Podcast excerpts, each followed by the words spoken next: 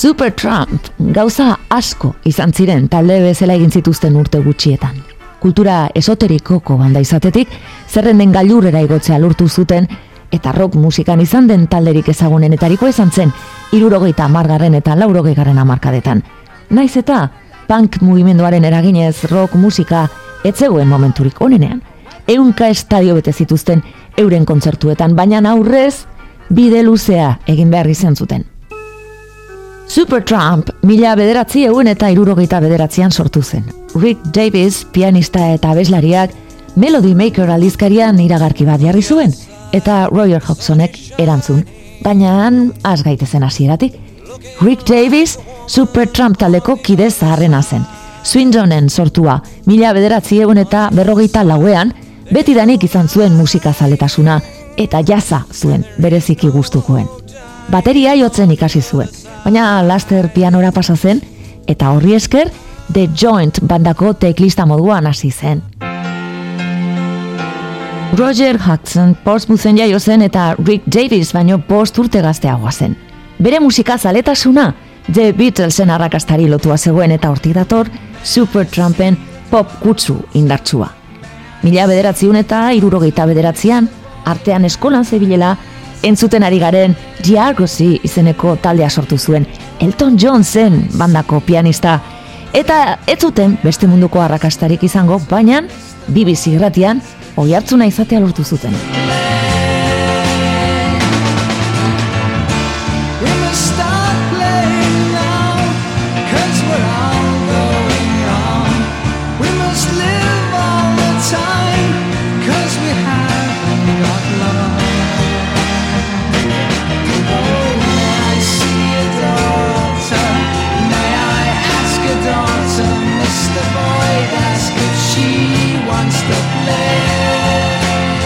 Lehen esan duan moduan, Rick Davisek talde berri bat sortzeko asmoz iragarkia jarri zuen Melody Maker musikaldizkarian.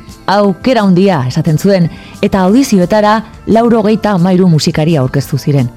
Roger Hudson itxaropen handiek irigabe azaldu zen, baina bera izan zen aukeratua, batez ere bere hotza kutuaren gatik. Ironikoki, super arlote, super eskale esan nahi duen deitura aukeratu zuten, baina Super Trump taldekoak ekonomikoki ondo babestuak zeuden.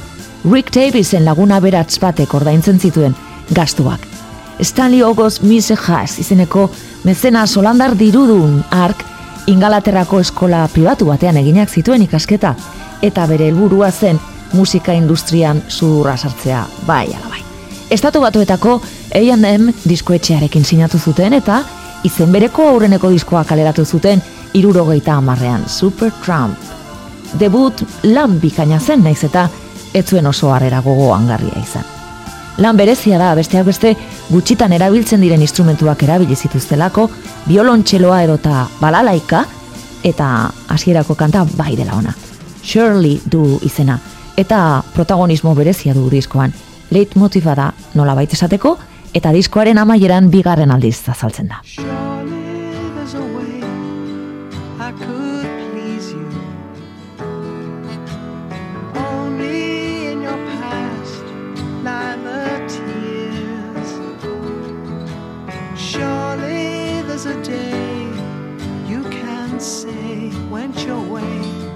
Some illusion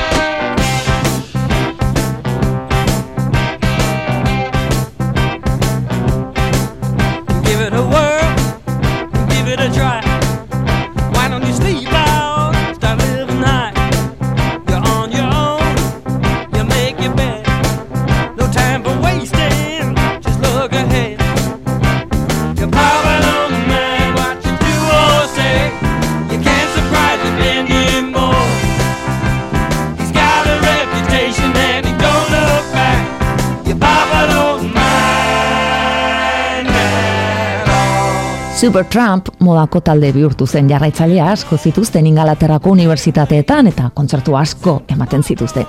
Gauza konela, bigarren diskoa grabatu zuten. Indelibly Stamped. Gai orokorra porrot personala da, bizitzako gertakariek usten diguten arrastoa. Eta porrot komertziala izan zuen. Diskoaren azalean bestalde, neskaba titibistan agerizela eta polemika piztu zen.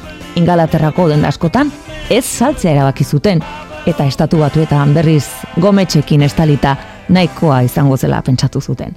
Baina eskandaloak kalde batera utzita diskoa osatzen duten amarra bestien artean bada arribitsi bat. Roger Hudsonen, Rosie had everything planned. Acting upon information received, Rosie had everything planned. Stood in the garden with shotgun in hand. What a woman! Whilst entertaining the headlines next day, Rosie would not be released.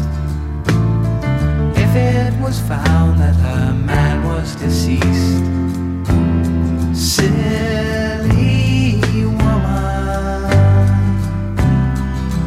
Oh, but Rosie, a girl with a strange kind of humor.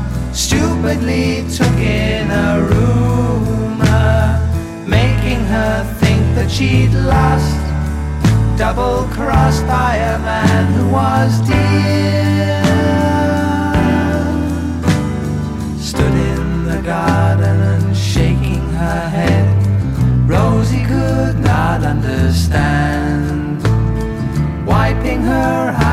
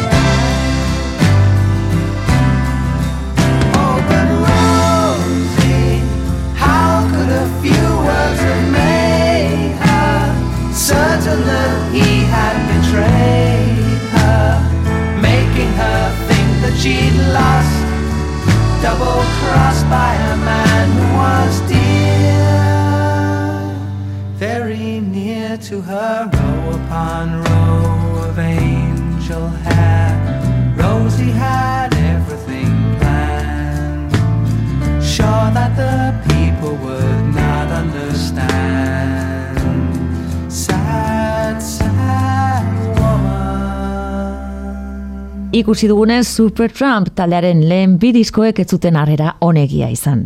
Ordur arte finantziatu zituen Holanda beratsak nekatuta diru iturria moztu egin zien eta orduan erabaki ausart bat hartu zuten. Dogorseten, amazazpigarren mendeko landetxe bat alokatu zuten. Batek esan zuen moduan emazteak aurrak eta katuak hartuta, hiru hilabete egin zituzten bertan kantaberria konposatzen. Berrogeita bi demo grabatu zituzten, eta haietatik lehenengo singela zen izango zen erabaki zuten argitaletxeko buruek. Len Ho izeneko abesti hau.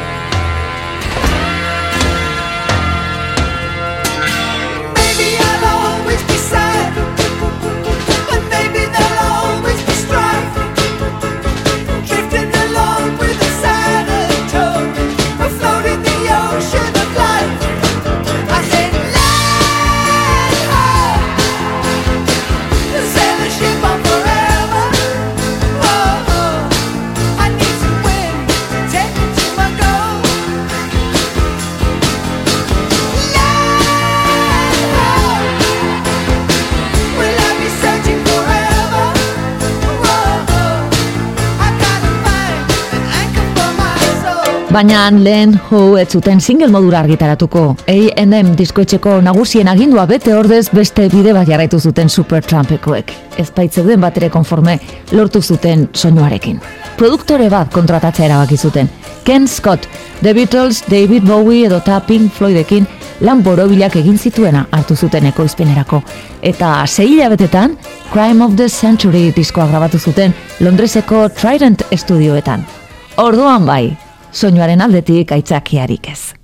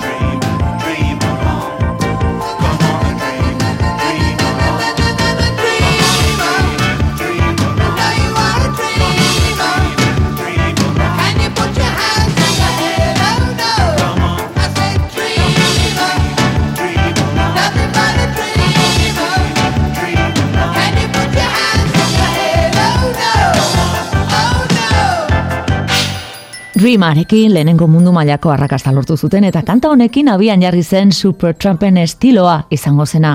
Burlitzer piano elektrikoaren soinua, Roger Hudsonen falseteak eta beste taldekiden ahots harmoniak. Pop kanta borobilak osatu zituzten. Kanta sofistikatuak, baina pop musikaren parametroetan beti. Eta honela, universitario naiz etxeko andre edo neraben gana iristea lortu zuten. Hori izan zen Supertramp taldearen arrakastaren oinarria.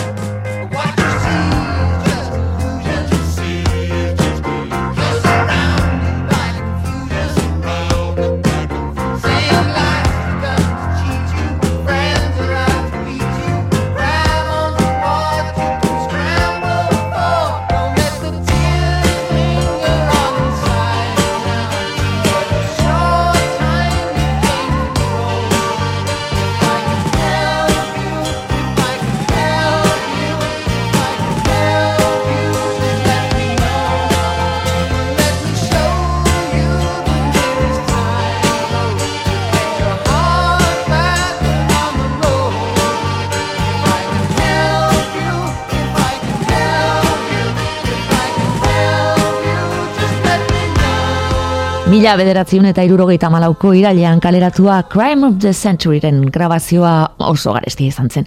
Zazpire da berrogeita mar mila ale saldu behar zituzten A&M disko etxeak jarritako dirua berreskuratzeko. Eta bi milioi terdi saldu zituzten. Mundu osoan, batez ere Kanadan. Kritika oso onak izan zituen eta egun, irurogeita margarren amarkadako rock diskorik hoberenetariko bat jotzen da.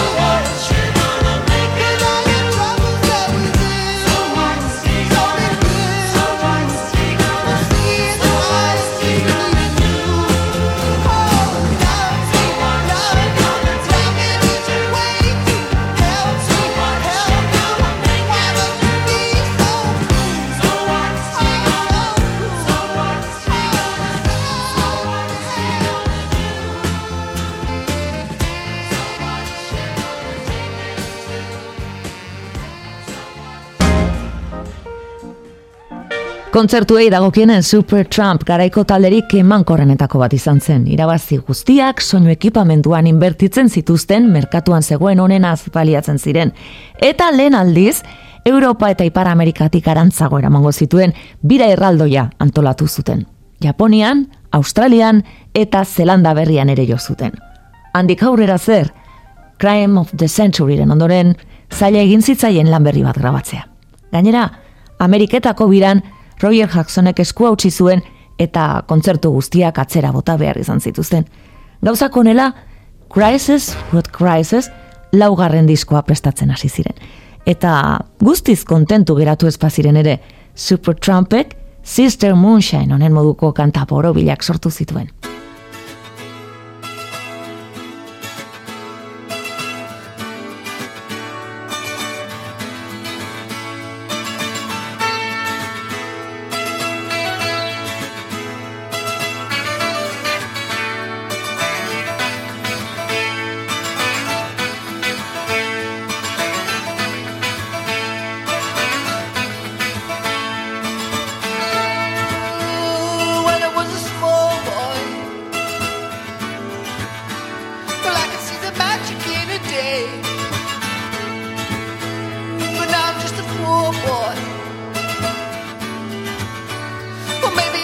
price you have to pay if your dreams away. If no one wants to listen, what's the story? I wish I'd been a minstrel. Just think of all the maidens I'd recall.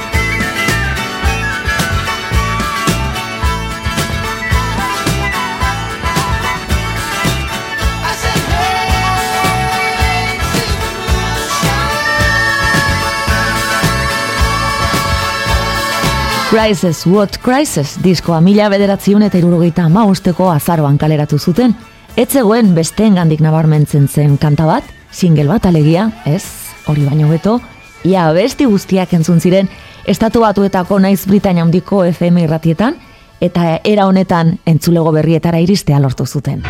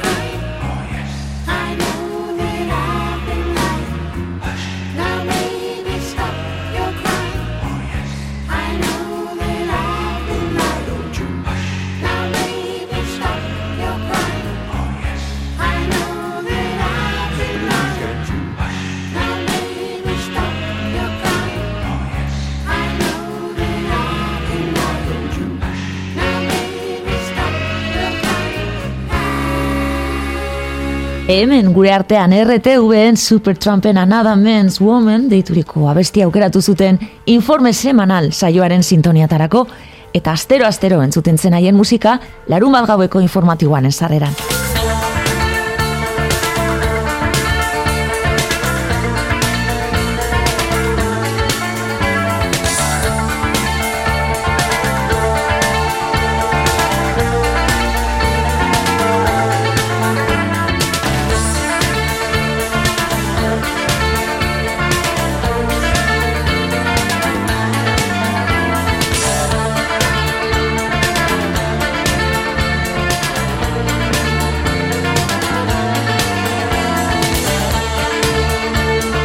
Mila bederatziun eta irurogeita amaseian, Supertrumpek pauso handi bat ematea erabaki zuen. Bi urte terdi kontzertuak ematen ibili ondoren ingalaterra utzi eta estatu batuetara salto egitea erabaki zuten eta ara joan ziren bizitzera. Bosgarren diskoa izango zena grabatzeko orduan, Coloradoko Caribou Ranch izeneko estudioa aukeratu zuten eta han sortua da askorentzat Supertrumpen kantarik onena den Give a Little Bit.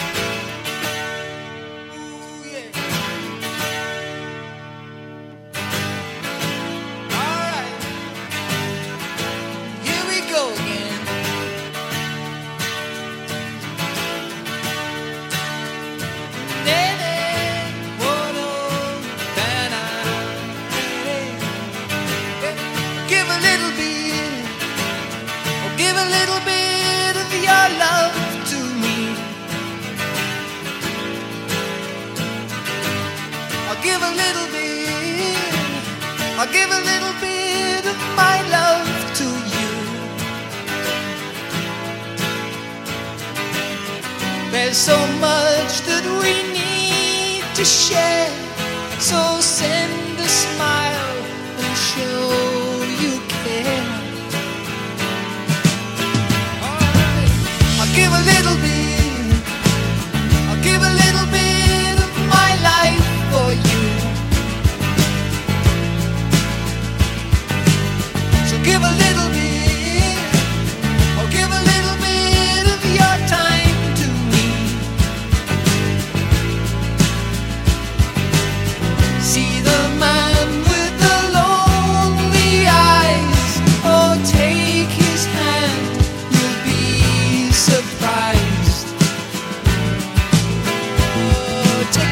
Roger Hudsonekin ez zuten ideia faltarik izaten buruan izaten zituen beti hogei, hogei tamarren bat abestigai behar zen momentuan bat edo beste aukeratzeko.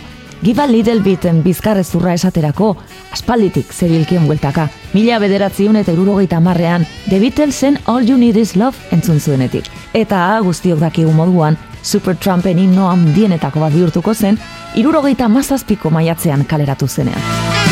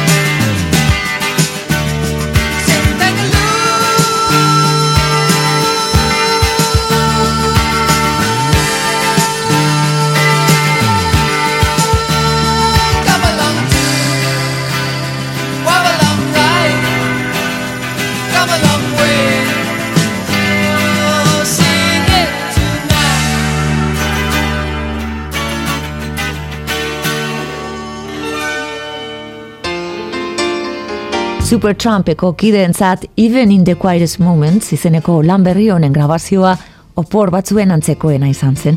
Irurteko kontzertu biraren ondoren lana izan ordez, atxedena izan zen eurentzat.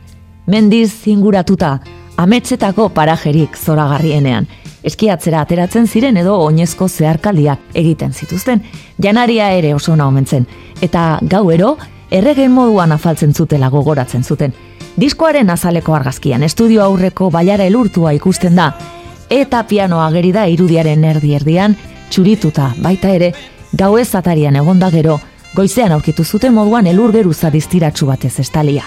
Oso postal polita, eta pop musikaren esanguratsuenetakoa, dudari gabe.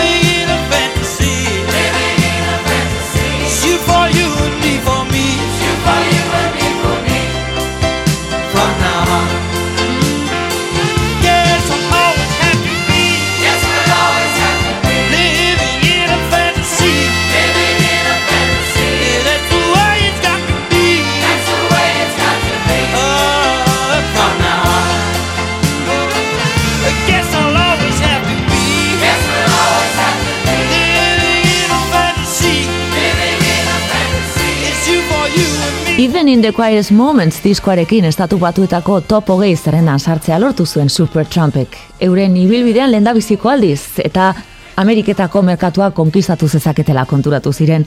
Mila bederatzi egun eta irurogeita mazazpiko apirilean eman zen argitara, eta urtea maiera arte ez ziren gelditu. Egun kontzertutik gora eman zituzten, eta azaroan azkenik atxeden hartzea erabaki zuten. Urrengo proiektua martxan jartzeko.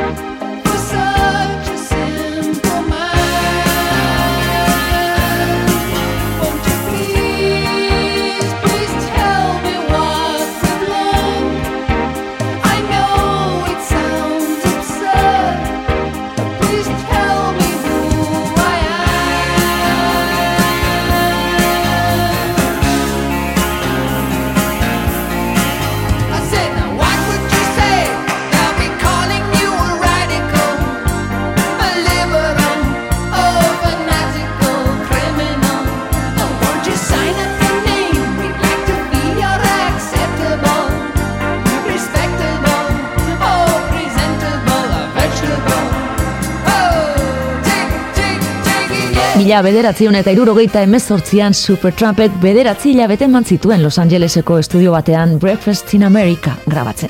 Roger Hudsonen The Logical Sonetik hasi ziren, eta single moduan kaleratu zuten bere biziko arrakasta lortuz.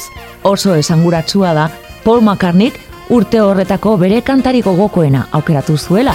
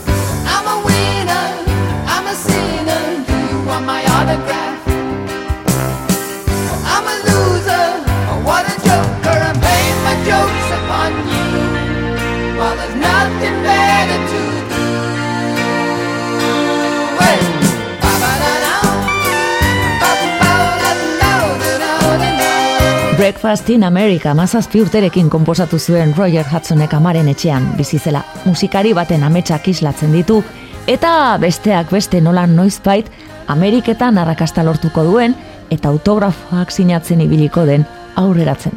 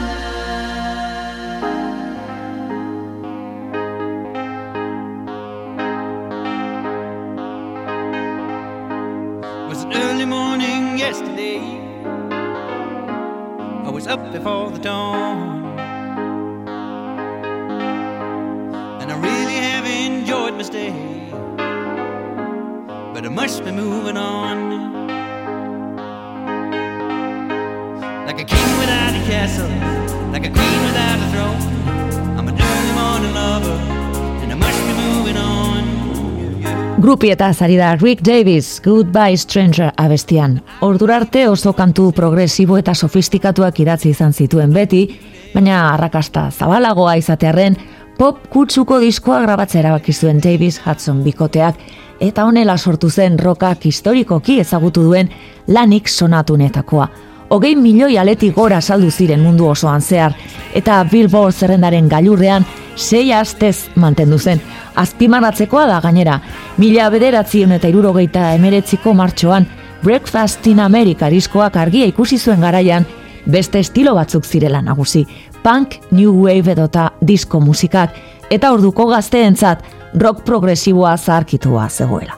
Bitxikeri moduan, Rick Davisek eun dolarreko apustu bat zuen eta honek argi erakusten du itxaropen handirik ez zutela lan honekin.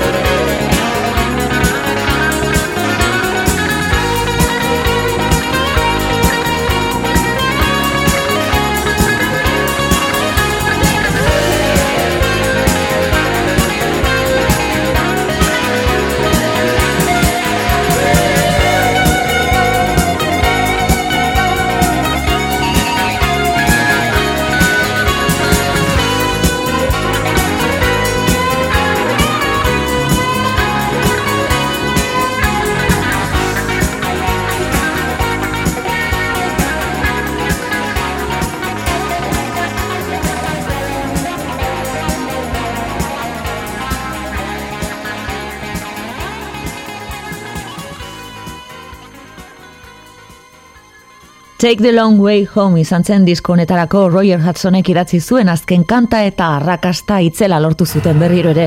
Breakfast in America diskoaren laugarren singela izan zen eta Super Trumpen jarraitzaile gerora gogokoen duten kantetako bat. Ipar Ameriketako Greyhound bus konpainiak bos milioi dolar eskaini zizkien iragarki baterako baimena eman zezaten, baina Super Trumpekoek ez zuten nahi izan.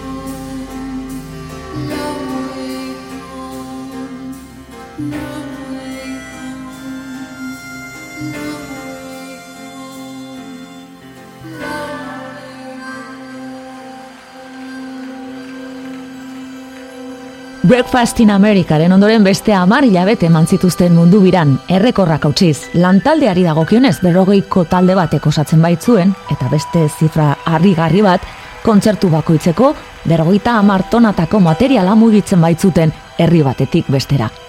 Bien bitartean, tensio handiak sortzen joan ziren Roger Hudson eta Rick Davisen artean eta taldearen amaiera gerturatzen ari zen.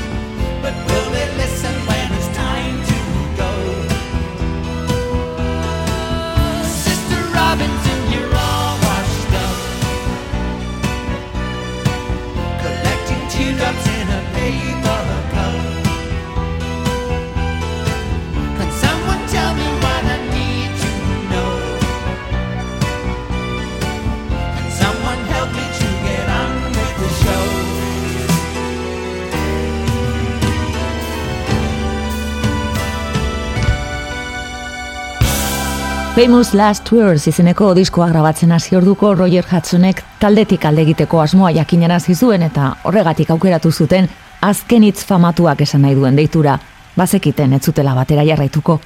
Baina banandu aurretik azken opari bat plazaratu zuten Super Trump taldearen hit ezagunenetakoa den It's Raining Again.